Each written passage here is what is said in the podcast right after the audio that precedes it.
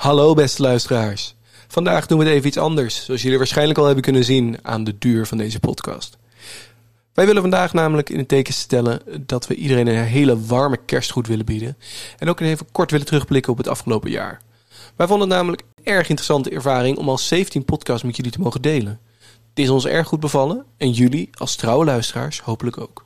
Vanaf het nieuwe jaar gaan wij er weer vol tegenaan met hele mooie podcasts in het vooruitzicht. Zo zullen wij samen met onze partners de kansen van een goede payment service provider voor B2B bespreken. Maar ook de toegevoegde waarde van keurmerken en nog veel meer interessante onderwerpen met de meest relevante gasten. Wil je nou altijd op de hoogte blijven van onze nieuwe podcast? Volg dan onze podcast op onder andere Spotify of Apple Podcast. Maar mocht je deze podcast op een ander medium luisteren, dan kan dat daar natuurlijk ook.